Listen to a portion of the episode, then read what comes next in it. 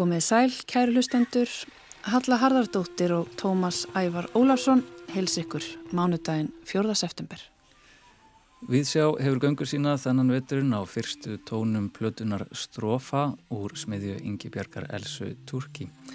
Platan kom út síðasta förstu dag og mun fylgja okkur í gegnum Viðsjá í dag. En í þætti dagsins hugum við að listaverkum Ísleifs Konradssonar ræðum um framtíð myndlistar gaggríni og heyrum af hugmyndum um kjarnasamfélög sem eiga rætur sínar að rekja til Dammerkur.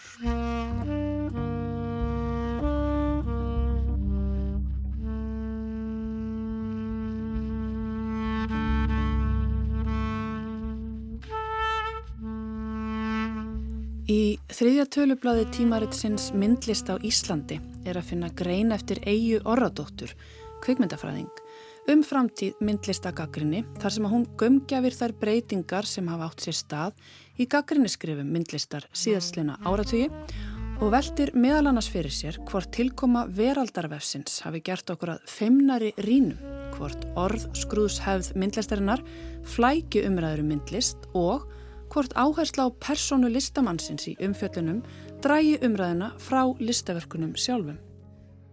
Og við kynum okkur list alþýðu listamannsins Ísleifs Konradssonar en um þessar myndir stendur yfir síning á verkum hans í gamla bókasafninu á Drángsnesi á Ströndum. Ísleifur er á mörgum talin einn af okkar bestu sjálflærðu listamönnum en hann tók ekki pensil fyrir hann komst á eftirlaun. Síðustu tíu ár æfisinnar málaði Ísleifur af kappi verk sem hafa sinn enginandi stíl Fægulega skreitt landslag sem sprettur mestmægnis úr minningum listamannsins af æskustöðunum í Steingrímsfyrði. Meira um það í síðar hluta þáttar þegar aðstandendur síningarinnar líta í heimisó. Einni kynum við til leggs í dag einn af pislahöfundum höstsins hér í Vísjá. Hildegunni Sverrisdóttur, arkitekt og fyrirverandi deildafósita arkitektúr deildar Listaháskóla Íslands. Hildegunur mun fjalla um allt sem viðkemur arkitektúr, ströyma og stefnur þegar kemur að hennu byggða umhverfi bæði hér heima og erlendis. Í dag segir hann okkur frá hugmyndum bandaríska arkitektsins Charles Dörrett um kjarnasamfélag sem er að ræti svona reykja til Danmörkur. Við hefjum viðsjá á því að velta aðeins fyrir okkur hlutverki okkar sem menningablaða menn og gaggrinendur Eija Áraðdóttir, höfundur greinarinnar Framtíð myndlista gaggrinni í tímaritinu Myndlista á Íslandi kíkti til okkar í hljóðstofu.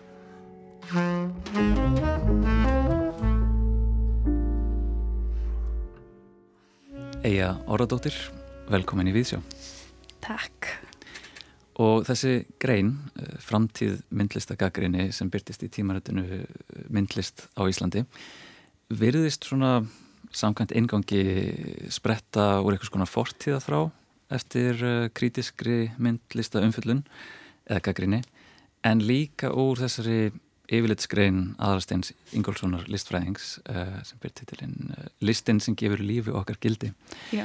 það sem að bendir á skort á myndlistagaggrinni á Íslandi í dag. Og um, getur aðeins skilgreynd fyrir okkur þannan til þennan skort? Um, Já, sko ég uh, ég ákveði að skrifa þessa grein í rauninni áður en greinin hans kom út mér fannst bara það var búið að vera mikið í umræðinni fannst mér í kringum bara vini mína sem eru í, í myndlist og, og já þannig ég einhvern veginn bara svona fór eiginlega þaðan þá að skoða veist, þessa eldri fortíðar þar á en, en skort á gaggrinni er mér kannski svona pínu svona pyrringur á því að að mikið af myndlistar umfjöldunum er eitt uh, svona rosalega svona persónusnöyðar uh, umfjallanir eða bara svona mjög almennar umfjallanir um uh, þar sem að gaggrinnendur eru mikið að stóla á fyrirframgefna síningateksta eða, eða eitthvað sem að myndlistamæðurinn hefur uh, sjálfur sagt frá. Mm og, og það verðist verið einhvers svona hræðsla finnst manni að, að koma með einhvers svona gaggrín eða eitthvað sem beti og jafnvel, þú veist, jafnvel bara þú veist, einlegt hrós sem er einhver tilfinningi uh, annað en, þú veist annað en bara eitthvað þetta er flott endilega, endilega mætið.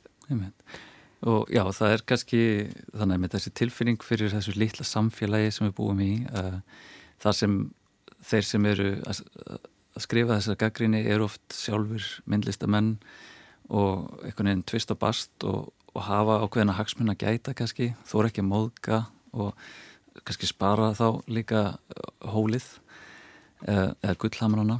Og, uh, og ég fór svolítið að velta því fyrir mér sko hvort að það væri það sem væri að hamla þessari einhvern veginn þessum krafti í myndlistaríni sem að uh, kannski var meira meiri uh, fyrir 30 árum en þá voru við samt auðvitað í svipuðum spórum það er litla samfélagið og allt það sko um, hvað hva heldur að breyst þá í þessu litla samfélagi?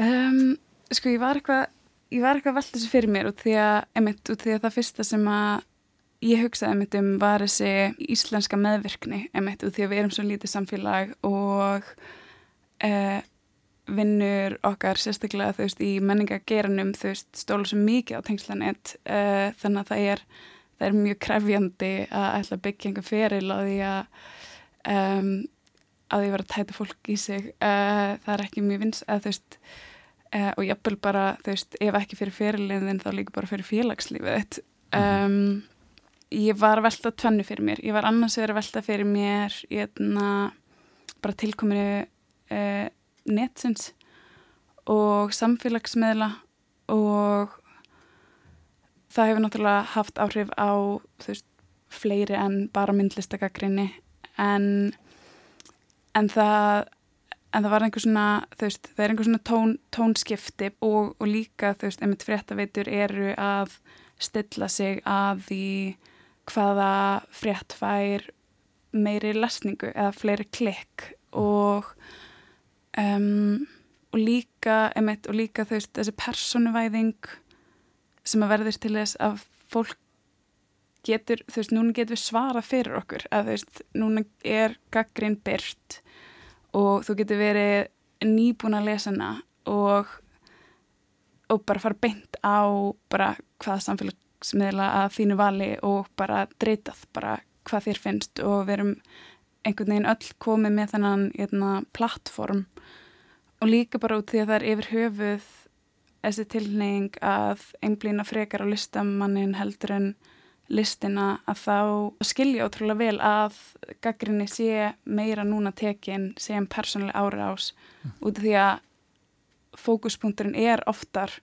manneskan sjálf heldur en verkin mm. þannig að við þurfum kannski mögulega um, ég, ég veit ekki endurlæra bæði að skrifa gaggrinni þannig að hún sé ekki lesin sem persónuleg ári ás og að taka við gaggrinni sem slíkri mm -hmm. Einmitt og þetta er með, með persónulegu viðtölinn sem þú kemur inn á í greininni þetta er eins og einhvers konar gildra nútímanns allavega uh, sem bladamenn og ég fell uh, gerðan í að uh, í staðan fyrir að einbita mér að verkum síningarinnar hvað er verið að segja að þá og þetta gerist náttúrulega sérstaklega það er mikil as í aðstæðum og að þá grípum maður til þessa kynninga viðtala spurninga hvar færðu innblástur hvernig vinnuferðlið þitt og allt í hann er listamæðurinn farin að eitthvað neginn taka miklu meira pláss en síningin sem hann er að eitthvað neginn opna. Og uh, kannski hættulegast að spurningin er eitthvað neginn segðu mér frá verkinu. Því þá gef ég listamanninum algjört vald til þess að búa til umræðuna um verkið sitt um, og þú kemur visslega inn á þetta í greininni að myndlistamenn eru kannski að verða eitthvað skonar auðlýsendur, er það ekki? Jú, og einmitt, og ég held um, ég held að ekkert margir myndlistamenn sem ég ánæðir með að þurfa að um, núna veit ég ekki, ég hef ekki spurt en ég er bara svona tilfinningin er að að þú skapar eitthvað verk og þú velur setan miðil fyrir verkinn þín og verkið þetta á að geta staðið sjálft, smá sjálft. Og allt ín er myndlistamenn sérstaklega farinir að standa í því að þurfa að útskýra eitthvað sem að þeir voru nú þegar að tjá í gegnum verkið og að vera setja það í orð þegar þau völdu ekki þau reillistarmiðlin en ég er algjörlega líka seg um þessa tilneying og þetta er svo auðvelt en líka út því að veist, sem gaggrinnandi þá kannski það næstu pínu vandræðilegt að vera að varpa eigin tilfinningum eða hugmyndum á verk og ætla að að sem prenta og þú veist og þannig margir gaggrindir líka þú veist ekki bara inn að myndlistar en þeir fela þú veist sínar persónulegar skoðanir, upplifanir eh, með lýsingum á þú veist velukkaðri klippingu á kvikmyndi eða eitthvað eða að, að einhver plata sér svo vel mixið eða eitthvað. Þegar um, þeir eru rauninni að þá er krafturinn á bakvið tilfinninguna og ástæðan fyrir því að þetta var svona vel lukka einmitt bara, bara tilfinning. Já, það er kannski einmitt ákveðin vandi á í myndlist að um, hún er eitthvað skonar líður mér stundum eins og eitthvað skonar sýstur uh, fag ljóðlistar að rýminn sem eru skoðuð eða einhvern veginn hlutirnir sem eru settir á svið uh, þeir hafa einkennilega merkingu og kannski ekki merkingu sem hægt er að koma endilega of mikið í orð en samt er hún sett upp í orðum eða hérna, hlutum og uh, að ætla einhvern veginn að fara í samtal við það það kemur þessi litla hraðahindrun. Og uh, en síðan er líka hugtak sem að þú kemur aðeins inn á þessari grein sem að er art speak eða orð, orðskrúðshefð uh, myndlistar. Getur þú sagt mér aðeins hvað, hvað það er? Já, bæði þetta á bæði við síningateksta og veggteksta sem að fylgja oft með verkunum þar sem að síningastjórnendur eru búin að skrifa mjög fagmannlegan og flottan teksta til þess að útskýra fyrir síningargestum hugmynd eða, konsept síningarinnar sem að geti verið alveg, alveg, alveg gott að blessa en, en það, það er svolítið mikið núna verið allavega yngri kynsluðinu mjög mikið að hæðast að þessu út af því að veist, þetta er svo stórfenglegar lýsingar og það verið að leggja svo mikið vægi á þessi síningateksta þeir eru þú veist um, þeir eru mjög fagmannleir þeir eru mjög uh, þeir eru nút öll stóru orðin og hugtökin og endar á því að vera bara pínu erfitt fyrir síninguna til þess að standa undir. Og já, og ég tala aðalega um þetta og því ég veit ekki um annan miðil sem þarf að útskýra sig svona mikið og, og segja hvað hann er og hvað hann stendur fyrir og af hverju hann er merkilegur og af hverju þessi síning er að tala inn á þennan og þennan vingil í samfélaginu. Þú veist, ef við byrjum þetta saman við tekstan sem er aftan á bókakápum eða, eða back in the day þegar það var tekst aftan á DFD eða, veist, eða, bara MDB lýsingin á myndinni þá þú veist það er þetta rosalega, þetta er rosalega stórfenglegt og það er næst því eins og eins og því sé að eitthvað svona overcompensata fyrir eitthvað.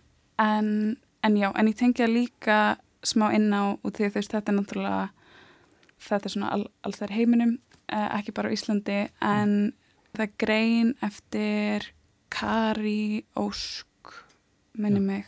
Hún er fjallað um stopnun listaháskóla Íslands uh, og þá hafi verið að ráða inn kennara sem eru veist, mannfræðingar eða veist, um í bókmetafræði eða rýtlist eða heimsbyggi eða og að það hafi þannig verið smá áherslubreyting í listsköpunarferlinu líka bara sjálf, sjálfu að allt í hennu væru uh, eru listamenninir að leggja áherslu á konsepti fyrst og sköpunina svo. Já, það er svona tilfinningi fyrir því að, að myndlistin hafi orðið eitthvað nefn fræðilegri um, yðja og sjálfum líði mér oft eins, eins og það geti skapað svolítið svona svikara heilkenni gagvart síningunni að það er ósað mikil eftirspurn eftir einhvers konar tákni eða, eða merkingu. Maður fyrir ná myndlistasýninguna og maður skilur kannski ekki neitt og þá kemur líka svikara helginni þannig að það kemur þessi textu og hann hjálpa manni. En svo er hann orðin svo stór að það kemur nýtt svikara helginni þannig að kannski fyrir gaggrinendur sem eru áhuga fólk um myndlist en ekki mentaðir í hugvísindum þá er þetta kannski orðið svolítið, svolítið þrungið. Já, þetta er alltaf ekki mjög aðgengilegt. Eða þú veist, þegar við byrjum þetta saman við við þú veist tónlist eða kvikmyndir að þá líður mér eins og um, það sem miklu hverstagslegri viðþorf til þeirra listgreina og fólk á í kjálfarið auðvildara með að segja sína skoðun á þeim, þú veist, á tónlistinni sem þau fýla eða, eða uppáhaldskvikmyndunum sínum út því að þeim finnst þeirra skoðun vera meira gild en einmitt, þeirra, þeirra myndlistar upplifun.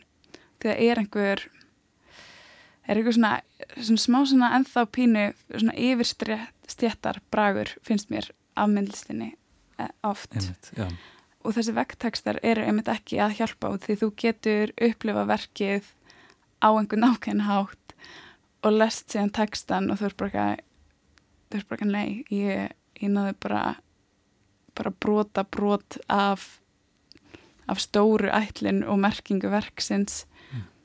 einmitt smá eitthvað svona nýfuttin keisararans væp kannski stundum að mm. Að einmitt að, að ætla að gaggrinn einhverja síningu en, um, en þetta er svo stórfenglegi tekstar að þú er kannski bara ekki að fatta hana. Akkurat. Ég einmitt út frá greininni fór að rivja upp samtölu sem ég hef átt um myndlistarsýningar sem búið að vera að setja hér upp á síðustu árum og, og að koma eitt til mín þar sem að ég og félagi minn uh, vorum að ræða um einhverja síningu í DSL eða eitthvað staðar og hann spyr mér, hei, varstu búin að sjá þessa síningu og ég segi, já, hérna, þessi hérna skulptúr frábær, tengdi mikið. Og hann eitthvað, já, einmitt, Her, ég tengdi reynda mikið hann hornverkið einhvern veginn samræða búin og þannig að já, það væri skemmtilega að komast lengra oft en stundum líka finnst mér eins og þessar persónulega upplifanir megi líka bara að vera persónulegar upplifanir og allt það, myndlistinn næröldu þessu sviði. En vissulega kemur oftar þessi tilfinning að okkur skorti fleiri tól til þess að halda áfram í þessari ákveðnu samræðu. En, um, en mér ágæði samt að skjóta kannski að þeir svona aðlokum um, stóru spurningunni. Um, hvernig sér þú fyrir þér framtíð myndlistakakrinni, kannski á Íslandi? Já, um, sko ég held, einmitt, fyrir bara svona hvaða listgagrinni sem er, að þá þarf gagrindi að hafa rosalega miklu, mikla ástriðu á forminu liðið mér. Og, og þá jafnvel þátt að síningin sé léleg að þá er það einhver svona einlega svona fall andlegur perringur uh, á því að sjá möguleikana og að vilja miklu betur fyrir síninguna eða að uh, eða mitt að gaggrænandi geti tekið lesandi með sér inn í og gegnum síninguna og látið lesendur verða spennt út af því að svona einlægur bara svona nördismi og áhugi og bara ástriða fólks er svo ótrúlega smitandi mm. Þannig ég held að það sé kannski svona beisin. Um, ég held að við þurfum að leifa gaggrinnendum smá að fikra sig áfram. Ég held að við sem lesendur þurfum líka að læra að taka hlutum ekki persónulega og að gaggrinni á síningu einhvers er ekki gaggrinni á manneskina sjálfa mm. uh, eins og mér finnst margar mjög málumnalega samræður svolítið falla um sig þegar umræðan uh, leiðist út í þetta mm. ég held líka að listskapandi hefur ótrúlega þú veist, mikinn áhugaði að heyra svona einlega upplifin fólks á verkinu. Ég, ég held að það séu mjög góð lóka orð, eiga orðdóttir Takk ég alveg fyrir komuna. Takk fyrir. Tómas rætti hér við Eyju Orradóttur en hún er höfundur greinarinnar Framtíð myndlistagagrinni sem byrtist í nýjasta hefti tímaritsins myndlist á Íslandi. En þá er komið að nýjum pislahöfundi hér í Viðsjá, Hildegunur Sverresdóttir, arkitekt og fyrirvunandi deildafósiti arkitektur Deildar Listaháskóla Íslands. Hildegunur mun fjalla um allt sem við kemur arkitektur, ströyma og stefnur þegar kemur að hennu byggða umhverfi, bæði hér heima og erlendis. Og í dag er hún með hugan við kjarnasamfélög í Danmarkum. Á morgun, þriðu daginn 5. september, mun bandaríski arkitektin Charles Durett ræða um kjarnasamfélög á ennsku co-housing á fyrsta fyrirlestri í fyrirlestraröð hausins hjá Arkitektafélagi Íslands. Nánari upplýsingar um fyrirlesturinn má finna á heimasíðu félagsins ai.is. Samkvæmt auglýsingu á fyrirlesturinnum er Durett talsmaður fyrir hagkvama, félagslega ábyrga og sjálfbæri hönnun og hefur verið leiðandi í umræðu og uppbyggingu á kjarnasamfélagum í bandaríkjunum. Charles hefur í hönnun sinni lagt sérstakka áherslu á samfélagslega miðaðan arkitektur og hefur verið talsmaður hans.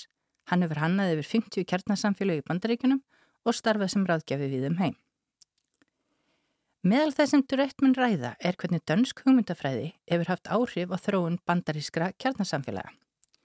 Fyrirlestur Durett mun ánefa gefa djúpa og innblásandi sín á hugmyndafræði sem leggur áherslu á fólk, umhverfi og sjálfbærni og hvernig slík hugmyndafræði er raungerð og samfélag sköpuð á þeim fórsendum. Það kemur endur alls ekki óvart að danskar útfæslur á hönnun samfélaga verði innblástur að slikri hugmyndafræði. Það mætti segja að danst samfélag byggja á sterkum grunni þegar kemur að samfélagslegum sáttmála um það að lifa saman að hátt sem auðgar tengingum manneskjana hver við aðra og þróun óformlegs og formlegs regluverks um samskiptið þeirra á milli. Í borgakverjum í Danmörku eru gerðnan svo kallið bóirhús eða íbúahús þar sem oft er bókasapn, salur til frjálsla afnóta til að kenna ungbarnajóka eða kung fu, ímiskonur fundaraðstæða og samverustæðir og jáfnveil hljóðverð fyrir hverfisútvarp þar sem fólk hittist og ræðir saman um álefni hverfisins. Í öðru arkitektonísku samingi maður nefna meðvitund um þær áskoranir sem fylgja því að flytja heimann og missa félagslegt baklandsitt. Því eru heimavistir að mestuleiti hannaðar með það í huga að deila nefnendum í nógu litla kjarnar til að ná tengjast og hverfist þeirra heimilislíf í kringum samægilegt eldús sem er kjarnin í daglegu lífi nefnenda og eru eldúsparti alþægt fyrirbæri í dönsku háskólalífi. En Danir ganga lengra en þetta í óskum sínum um samlífi og samfélag með sínum meðborgurum. Til eru marga tegundir sambíla sem á dönsku kallast kollektív. Frýriki Kristjania er mörgum íslendingum kunnugt en það er dæmi um kollektív á stærri skala. Ólíktum hugmyndum sem margir hafa um Kristjaníu þá var til hennar stopnað af öðrum kvötum með neytilöfinnæslu, þvert að móti. Svæðið er gamalt yfirgefið hersvæði þar sem fólk hafi komið sér fyrir, blanda af hippum, listafólki, hugsuðum, anarkistum og ímsum kynlegum kvistum samfélagsins. Þegar stopna var formlega til þessa samfélags árið 1971 var hér fyrst og fremst um að ræða nýtt samfélagsform sem rauf sig frá sveitafélaginu Kaupmannhöfn og kraðist sjálfstjórnar en þurfti á móti að sinna sínum innviðum sjálft.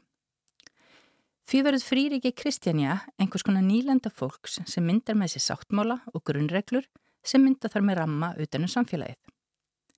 Sáttmálinn byggir á hugmyndum um frelsi á forsundum ábyrðar. Byggðin er ansi við þeim um 35 hektarar sem liggja allt frá gömlu herbyggingunum og yfir á bakkana með fransíkinu eða volden sem umkringir hersveið. Til viðbútar við gömlu herbyggingarnar samastendur byggðin af afar fjölbreyttum og mörgum frumlegum byggingum. Í dag búum 800 manns í Kristinju og það er fjölbreytt menningar og listastarf, smiðjur, verkstæði og smáfyrirtæki af ýmsum toga og nokkuð fjöldi veitingarstaða er starfrættur á sveðinu. Stert íbúðaliðraði ríkir í Kristinju og endanda í dag þarf ákveðin hluti samfélagsins að vera samþykkur innkomin í ræðbúa. Grunnurinn að stjórnskipum Kristinju er hinn sameinlegi fundur, fellesmiðut. Á slíkum fundi var ákveðið þann 27. ágúst síðastliðin að loka Pusher Street, aðalsölusta kaupmanafnar á Hassi vegna manndrópa og ofbeldist þar að undarförnu. Á sjönda og áttunda áratug síðustu aldar sprutt upp fjöldi minni kollektífa eða sambíla, þar sem fólk bjó saman í samægilum vistaverum með sín börn og buru og mynduðu þar með nýja gerð af fjölskyldulífi. Slíkt sambúðarform hefur þó verið á undanhaldi en á sama tíma mynduðust einning annars konar kollektíf og er það form enn í blúsandi gangi í dag. Þessi kollektífi eða sambíli fólks og fjölskyldna mynda einhvers konar þorp þar sem hver fjölskylda býr í eigin vistaverum en tekur ríkan þátt í samfélaginu. Þessi hópur fjölskyldna myndar svo nokkus konar stórfjölskyldu þar sem verkarskipting byggir á getu fólks, mismunandi hæfileikum og hugðarefnum. enn eru til kollektív þar sem fólk hefur búið saman og þennan hátt í hálföld og enn eru hópar ungs fólks að kaupa sér landsvæði saman og byggja upp ný kollektív. Þessi samfélag eru auðvitað eins misjöfn og þau eru mörg og sambílið, samstarf og samvera í hversteinum mismikil. Allt frá því að skipta með sér útiverkum og borða saman vikulega yfir í mun þjættari samvistir og samlífi. Þar sem þeir sem á tekjur leggja þær að mestu leitin í kollektífið og taka fyrir vikið að þessi minniverk sinna bíflugunum eða elda einu sinni viku. Aðrir íbúar sem ekki afla tekna sjá um börnin eða matjúrstaræktun, sinna byggingum eða hverju því sem kollektífi leggur áherslu á. En áherslan er gertnan á sáttið umhverfið, vistvæni, reynaræktur matvala og sjálfbærni sem eins konar frákvarf frá ytra kapitalísku kerfi. Í byrjun mótuðist þessi samfélög í þeim húsakosti sem böðust og var byggt við eftir þörfum hópsins. En með tímanum fóru arkitektar í ríkara mæli að hanna slik samfélög á nýjum lóðum í útkverjum borga og bæja. Sama ár og Kristjánja var stopnuð árið 1971 held stopnun byggingaransókna Danska ríkisins samkjæfnum nýja gerð byggðakjarna, svo kallar tett lág eða þjættar og lágar byggðir. Útgangspunkturinn var myndum hverfa eða nokkus konar þorpa sem voru hugsuð sem mótsvar við útkverfum einbillishúsa og skorti á samlífi og samskiptum í þeim hverfum.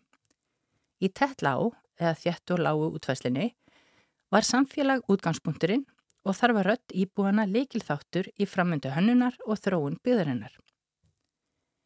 Danska teiknistofan Vannkunsten vann áðurnefnda samkeppni byggingastofnunarinnar og í framhaldinu var lagt í framkvæmt á byggðinni Tingorden í herrfölje útkverfi Kögu á Östur Sjálandi. Tingorden var óhagnaðatrifin byggðakjarni og tilrundleis að byggja upp umkverfi þar sem íbúalýðræði var miðlagt í hönnunaferlinu. Húsigerðirnar eru nokkuð fjölbryttar en einfaldar, sjálfnast á meirinn tveimur hæðum og efnisvalið fyrst og fremst náttúrulegt og látlust. Mikil áhersla var lögð á sveianleika byggingana svo íbúðarnir mættu setna breyta og bæta við eftir þörfum. Eins og með skipla heimavistana sem nefnt var áðan er afstæði tekinn til þess hversu mikinn fjölda fólks þarf til að mynda nánd og samfélag. Í Tingorden voru upprunlega 78 hús, deilt niður í sex kjarnar sem hverjum sig hafði aðgengi að samæginlegu samkómuhúsi, fjölbreytnum stöðun til samveru og nánatengingu við náttúruna. Útisvæði, torg, gardar og aðrir innri samvistastæðir, kjarnana, eru þrefalt fleiri enn í vennulegri byggð. Skipilag húsa og framhliða er í grunninn einfaldar, opnar og sveginlegar til að auka möguleika á tengingu fólk sem er nákvæmni sitt og bjóða jáfnvel upp á samnýta innra rými millir íbúa. Á stærri skala áttu allir sex kjarnarnir svo saman stærri samkumuhús til stærri viðburða.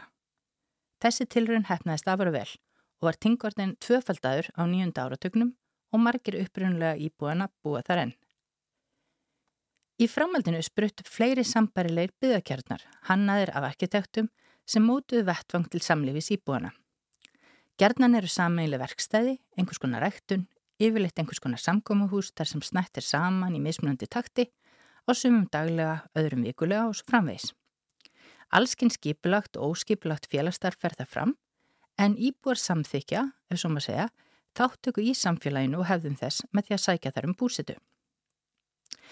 Nú veit ég ekki hversu oft ég hef notað forskiti sam í stuttri umfjöldun minni um Danmörku. Það er eins og lýsandi fyrir danst samfélag. Á sama hátt og með okkur og snjóin eiga Danir mörg orð til að lýsa þessari grunnheðsinni fyrir samlífi, samstarfi og samveru. Fáttur um dæmi af íslenskun toga um þá samfélagsgerð sem hér hefur verið lýst. Þó eigum við óumdeinanlega eitt, sólheima í Grímsnesi. Samfélag sólheima á sér ból í stóri kvilt í landslæginu sem afmarkar það og umlikur. Þar er samfélag hundrað fatlaðra og ófatlaðra einstaklinga og jafnan er hópur erlendra starfsmanna og nefnda sem búa þar í lengri eða skemmri tíma. Á sólimum er til dæmis kaffihús, leikhús, sundlaug, vinnustofur og búð sem selur afrakstur vinnustofuna og skiplagstaðarins býður upp á að mætast og spjalla, sjást og lifa hlið við hlið í hversteginum. Og það er einmitt þetta samfélag sem fyrirlesar í morgundagsins, bandaríski arkitektin Charles Darrett, er komin hinga til að kynna sér.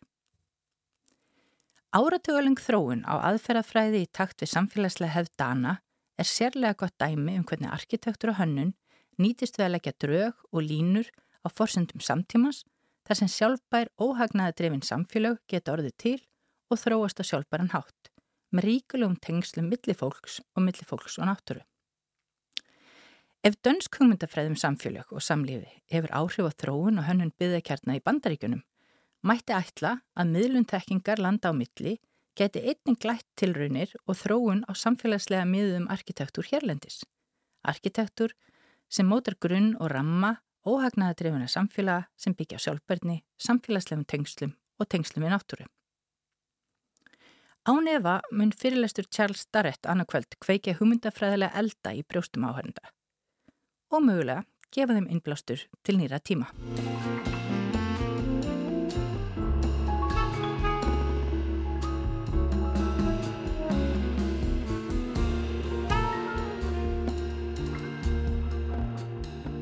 Hildigunnur Sveristóttir velti hér fyrir sér hugmyndum um kjarnasamfélög sem er að rætu sínar að reykja til Damerkur og hafa breyðst út til Bandaríkjana en ekki svo miklu mæli til Íslands. Og líkt og Hildigunnur bendi á verður Charles Durett fyrirlesari á fyrsta fyrirlestri í fyrirlestarröð haustsins á vegum arkitektafélagsins í Grósku á morgun klukkan 20. En þá að allt öðru.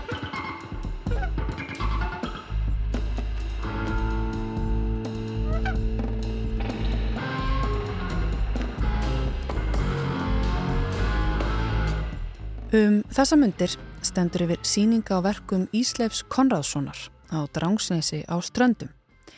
Ísleifur hefur jafnan verið flokkar með þeim listamönnum sem kallaður eru nævistar eða alþýðulistamenn en það er skilgreining listfræðinar á þeim listamönnum sem oftast eru sjálf lærðir. Í bóksinni um íslenska nævista segir höfundurinn Adalstein Ingólfsson meðal annars um list Ísleifs að tæplega sé á nokkun listamann hallað þó hann sé kallaður fremstur meðal þeirra nævi listamanna sem Ísland hefur alið.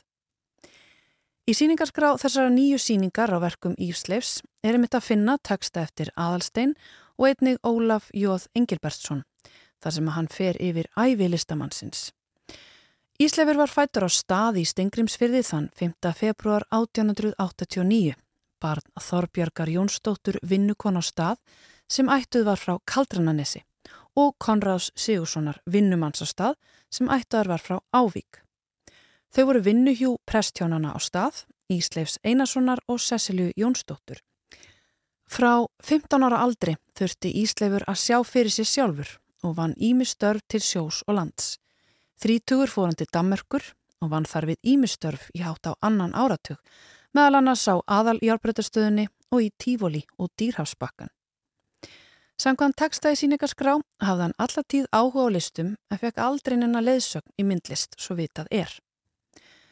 Ísleifur fluttist aftur til Íslands skömmu ára hann fór á eftirlun og hofa mála af kappi um leið og hann gætt hægt að vinna.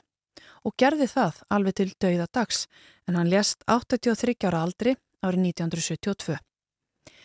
Málverk Ísleifs eru fyrst og fremst óður til náttúrunar og æskustöðana í steimgrimsferði svo það er vel við hæfi að nú skuli einhver verka hans vera þar til sínis. Það er listvinnafélag Stengrinsfjörðar sem stendur að síningunni en félagi var stopnað fyrir tveimur árum síðan til þess að auðga listalífið á ströndum hvort sem að það er með síningarhaldi, námskeiðum eða fyrirlestrum. Það er þær Guðbjörg Lemann, Inga Þóri Jóhannsdóttir, Þórum Björnsdóttir og Ásta Þórisdóttir sem skipa félagið. Það er ekki mikið um síningarými á ströndum en þeim stöllum dætt í hug að fá afnót af gamla bókasafninu og við byrjuðum einmitt á því að ræða það rými þegar er Guðbjörg og Inga Þóri letu hingað í hljóðstöfu til okkar í morgun. Sýningin eh, fer fram í gamla bókasafninu ekki satt? Virðist vera freka lítið rými? Það er alveg ævindýralegt hús því það er mjög stærrað innan heldur nötan. En það er alveg agnar smátt Já, og, og, við, og skemmtilegt og vorum að reyna að sjá það fyrir okkur sem bókasafn sko. mm -hmm. okkur skilst að það hafi verið sko, bókahillur allan ringin og svo tve, tveir svona bókarekkar í miðju rýmisins sem er, ég held að þetta séu kannski 12 fermetrar eða eitthvað Já, svona 12-15 ég er ekki viss en. Ásta Þórisdóttir hún hafði hún er svo einokkar sem hefur ekkert hún upplifað bókasafnið og sagði okkur frá því Mm. Þannig að hérna, við fengum sagt, uh, húsnæði lánað frá Kaldrananes reppi og hérna, erum mjög þakkláta fyrir það. Hérna. Og eins og þið segið þetta eru tólfermetrar en það eru þó nokkur verkarna sem að rúmast eftir Ísleif. Já.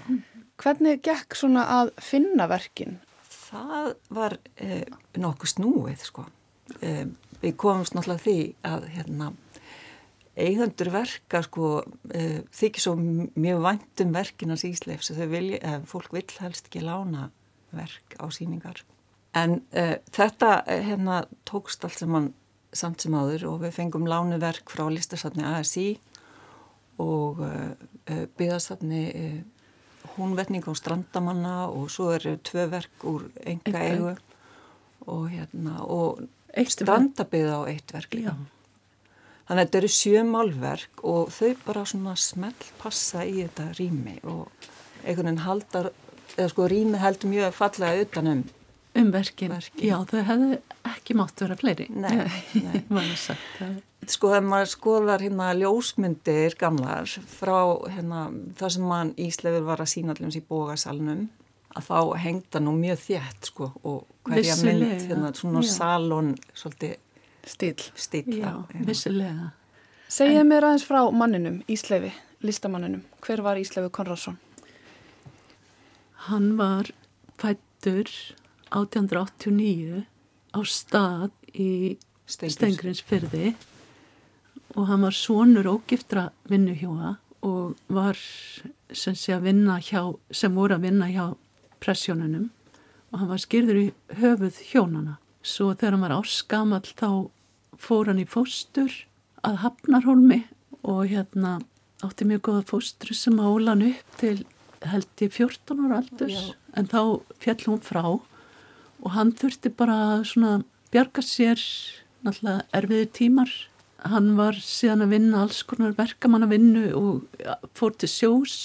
Já, allt, þess að hann bjóð drangsnesi til... Hann var, já, til 20 aldrei, 19 ára 20 og þá flutt hann söður og fór síðan til Kaupmannhafnar og var líka í millilandasiklingum sildi til New York og, og út um heimsins höf held ég. En á þessum tíma var hann ekki byrjaður að mála neitt en hafði örglega mikið áhuga á Hann hafði mikið áhuga á listum, listum og náttúru og öllu þessu. Það er með einhver saga þarna uh, frá uh, frá þessum tíma þegar hann sildi til New York og, og hérna og hann líkaði ekki þessir háu törnar að því að hérna, hann sæi ekki hérna. Hann þurfti nánast að leggjast á jörðina til að sjá stjörnuna sko, það var ekki alveg Já, byggingarna, byggingarna voru fyrir. Byggingarna voru þvælast fyrir hún En hann var líka sko já, svo bjóð hann mjög lengi í Kvöpmanna og hann kom síðan aftur til Íslands í fyllt með ekku sem hann bjó hjá í Köpnafn íslenskri sem að vildi endilega koma til Íslands áður en hún fjalli frá. Og hann ætlaði í rauninni aftur út en bara hafði hann ekki efna á farinu heim. Þannig að hann varð eftir í Reykjavík fór að vinna þar bara í svona uppskipun neyra á hafn þanga til hann ætti að vinna. Fór bara eftirlaun? Fór eftirlaun, já og hann var nú ekki drosalega ríðan að Reykjavíkur arkitekturnum sko. Hann, hann var meira spenntið, hún fannst ekki nóg margi turnar, þannig að kaupmannhafni hefur kannski verið meira svona fyrirmyndin. En, en sagan segir að hann hafi síðan sko hitt kjarval. Uh, Já, og farið að tala um við hann að hvað hann var nú heppir ekkert að mála og svona og gert svona fína myndir og þá á, á kjarval hafa hafa drefið hann í málaran að kaupa sér lereft og málingu og hann málaði upp frá því á hverjum degi. Mm -hmm. En þá var hann orðin sko sjötugur, þannig að hann byrjar mjög seint. Einmitt, byrjar að mála um sjötugt og gerir það alveg til döðadags í rúm tíu ár er hann bara að mála alveg stöðugt Já. og næra halda alveg þó nokkra síningar.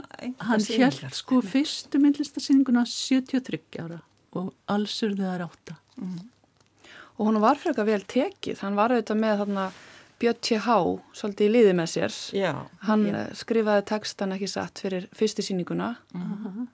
vitið svona móttökurna voru eitthvað góðar ekki satt á verkum hans. Jú, og ég held sko að því hann myndi þá flokkast sem alþjóðlistamæður en já, móttökurna voru góðar og, og, og myndirna hans mjög vinsalar einmitt bara sem kemur ekki óvart, þar eru þetta algjörlega dásanlegar, við erum nú með hérna útprentaða nokkra fyrir framann okkur og það er auðvelt að hverfa inn í þær. Kannski að þið lýsi svona aðeins hans myndheim fyrir hlustundum Já, að lýsa myndheimi eh, hann, er all, hann er alltaf að hugsa heim, ekki satt? Hann Jú, er sko, mikið að mála náttúruna. Hann, hérna syns, þegar hann byrjar að mála þá er hann orðin það fullorðin að hann í rauninni getur ekkit ferðast. Það er erfitt líka mun er þeirra á þessum tíma að ferðast á strandir. Já. heldur hann í dag og hann var orðin illa svona slæmir í fótunum. Þannig að hann byggir rosalega mikið myndina sínar á hann ferðaðist náttúrulega eitthvað á landi en það var erfitt sérstaklega að fara á strandir. Svo hann byggði rosalega mikið myndina sínar á postkortum, ljósmyndum og síðan bara minni sínu, sínu megin endurmenningum sko gera þar mjög mikið að sínum sko. Og svo blandar hann alltaf rosalega mikið allum þessum vættum í myndirnar. Já, það, það er mjög mikið svona þjóðsakna kendar. Já, það er til dæmis hérna ein mynd á síningunni sem er af draungum, við veitum ekki alveg hvað draungum og það er mjög skemmtileg svona þrýr drángar sem að þegar maður skoða nánar sér maður sko trölla andlit á draungunum og þeir eru greinlega mikið að spjalla. Svo sér maður alls konar svona ták sem maður, sem erum við ekki alveg vissar um. Og síðan er líka skemmtilegt svona sjónarhortni eða hann er alltaf með mörg sjónarhort á, í sömu myndinu mm -hmm. þannig að maður sér bæð á hlið og ofan á og svo er að allstaðar nánast allstaðar fugglar fugglar eru greinilega enda fugglalífið á ströndum alveg ótrúlega mikið. Mm -hmm en það er skemmtilegt að sjá og svo eru fugglanir oft í mjög skrítnum hlutfellum en á frábæran átt sko, hann setur þá í fyrsta sæti. Einmitt. Og það er þetta með sjónarhorni uh, sérstaklega í, í þessi málverki af Grímsei í Stengurinsferi og þá uh, svona, þegar maður er búin að horfa svolítið á hana þá svona um, þetta mann í hug sko, efri hluti myndarinnar hafa verið eftir ljósmyndi eða postkort eða einhverja en Já. neðri hlutin sínir sko drangsnes og en, virkar ótrúlega abstrakt og, og skemmtilegt en, en sjónarhortni allt annað heldur en af eiginni sko og svo er hérna, það var mjög spennandi að sína þessa mynd að Grímsei vegna þess að svo sér maður Grímsei bara beint út um gluggan mm. við hliðina þar sem að málverki hangir og hérna Já, lítur að vera gaman að sjá þessar myndir í, í þessu rými í þessu já. rými og þessu samingi en mikið lítur hann að hafa haft sterkar taugar til staðarins þrátt fyrir hann að hafa fluttað hann tvítur mm -hmm. Já.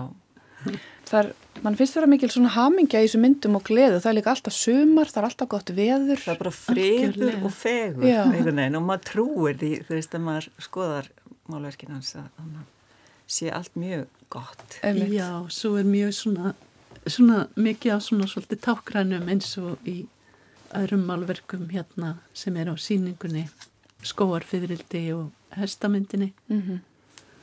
sem að þar sem að maður sér svona það, það er svona forminn og og einhver sérkennileg hugreiningatengsl sem að er bara mjög áhugaverð Mjög. Hann eins og þið segið þá hérna hann hefur verið kallaður alþjóðlistamæður eða nævisti eins og ofta sagt, svona Já. sjálflærður það sé ekki svona svona það sem að alþjóðlistumenn eiga oftast sameigilegt. Uh, hvað finnst ykkur um þessa skilgreiningu? Vitið þið hvað honum fannst um hana? Nú bara hef, veit ég ekki Nei, sko. ég hef ekki hugmynd hvað, hvað honum fannst um hana. Nei, hvað finnst ykkur um hana? Þessa skilgreiningu á... Á, á svona alþjóðlist. Já. Já, mann alltaf veldi fyrir sér sko uh, sagt, eins og í listasögunni sko, þá er alþjóðlist uh, sjálfnast tekið með inn í söguna sko, þannig að hérna, ég var nú búin að segja við sjálf um að ég ætlaði að kíkja í hérna riti sem kom út um íslenska myndlist til þess að aðtökust að maður ekki örglað þar inni sko en hérna en sko Var hann þar inni? ég er ekki búin að Þú ætlar ekki að Það er svona, kannski margir sem efast um slíkar svona aðgreiningar í dag en, Já, en- auðvitað þarf nöfni við hlutina en uh, hann á svo sannlega stall með hvaða listamanni sem er, Nákvæmlega og, og maður hugsa líka bara um svona fjölbreytileikan í dag sem er mjög mikið í umræðinni og hérna uh, og þú veist þá falla alþjóðlistamenn alveg mjög vel inn í hérna bara þeir eru þáttakandur eins og við öll og hérna um, Já, og, og náttúrulega hafa einhverja, margir hverjir einhverja einstaka sín sem að hefur bara felur í sér eitthvað mjög, mjög dýrmætt sko, Já. sem að margir aðrir ná ekki þannig að þetta er náttúrulega einhvers konar skilgreininga þáttur bara sem að, já, Mm Ég var einmitt hérna, uh, hérna eftir að síningin opnaði að þá vorum við með námskeið sem var ætlað öllum grunnskólabönnum í Stengrinsfyrði og mér fannst mjög áhugavert að svona horfa á börn skoða þessi málverk einhvern veginn. Um, mér langaði svo til þess að hérna, setja mig þeirra spór og hvernig maður horfir með barsaugum á málverk eftir uh, já, látin mann sem byrja að mála mjög fullarðinn og, hérna, og mála svolítið barslega eða þannig. Ég held að, allavega þessi börn hafi ekki gert neitt greinamun á því að þetta var í nævismi Einmitt. eða nei, þú emmitt laður áherslu á að spyrja þau á síningunni með þau áttu sig alveg á því sko að hérna, þau eins og stærðar hlutföll á til dæmis í, í hérna, skóarfyririldamyndinni Já, hvað fyririldum væru miklu miklu stærri heldur en endurnar á tjötninni og eitthvað svona en þeim fannst þetta líka bara alveg sjálfsagt sko að, auðvitað, allt Já. sko Einmitt. Gaman að þessu, sýningin stendur yfir í, eh, fram til 17. september, ekki satt? Jú. Þannig að hlustundum gefst tækifæri að fara og skoða myndinar hans Ísleifs Konradssonar í þessu stórkurslega umhverfi sem að Drángsnes í Stengrinsfyrði er. Um, hann er jarðaður þar, ekki satt? jú, í kirkjugarðinum á Dránsnesi eða rétt fyrir utan aður maður kemur inn í bæinn. Þar er hann jarðaður. Það er hann jarðar og það sem mann alltaf eh, var ótrúlega skemmtileg reynsla í tengslum við þetta verkefni já, það var að sko uh, við gengum út frá því að uh, Íslefur hefði verið sko mikill einstæðingur uh, og án fjölskyldum ekki haft neginn fjölskyldu tengsl hann var ógiftur og ballaus og, og einhvern veginn uh, trúðum við þessu þangar til að við förum að setja upp sýninguna og, og fengum skilabóðum að þetta var nú ekki alveg Þetta- svona. Já, og síðan á síningunni þá vorum við að spyrja gesti frá Drángsnesi og Viðarað. Og þá fengum við alls konar sögur um fjölskyldu já hann átti reysa stóra fjölskyldu og bræður og, og hérna. Hálbræður bæði á sem sé, sinni móðusinnar og líka föðu síns sem að flutti til Danmerkur. og, og einmitt eftir opnun sko þá fengum við skilabóð hérna frá einhvernum gesti eða nokkrum að, Íslefur er líka frendi minn sko. Já. það voru margir sem að sagði ekki frá. voru að komast að því Já. að En, hérna en einhvern veginn í sögunni hefur þetta orðið eitthvað misskilningur. skrítið. En, en nei, það var hérna, mm Mhm. bötskirði í höfuðánum og, og mikil tengsl við allan að hluta af fjölskyldunni. Við vitum ekki mikið meira. Mhm. Hérna, já, gaman að því, Guðbjörg og Inga Þórey. Takk fyrir að vera með okkur hérna í Víðsjá. Kanski bara svona örstuðt í lokin, eh, hvað er framöndan hjá Listfinnafélagi Stengrinsfjörðar? Uh, það er hérna leyndamál Nei. Það er ómögulegt að segja í rauninni. Nú en- erum við, þegar við ljúkum þessu verkefni, þá þurfum við svona aðeins að hittast. Takk innlega fyrir að vera með okkur hér í Víðsjá og til hamingju aftur með þessa frábæru síningu. Takk og takk, Takk fyrir að bjóða okkur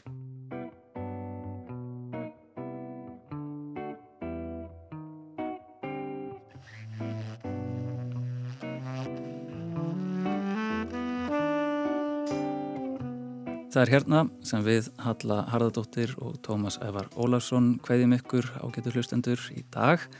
Við verðum með ykkur aftur á sama tíma á morgun og auðvitað öllum stundum í spilara rúf. Ingi Björg Elsa Turki fylgjur okkur hér út með læginu Epta. Takk fyrir samfélgdan í dag og verið sæl.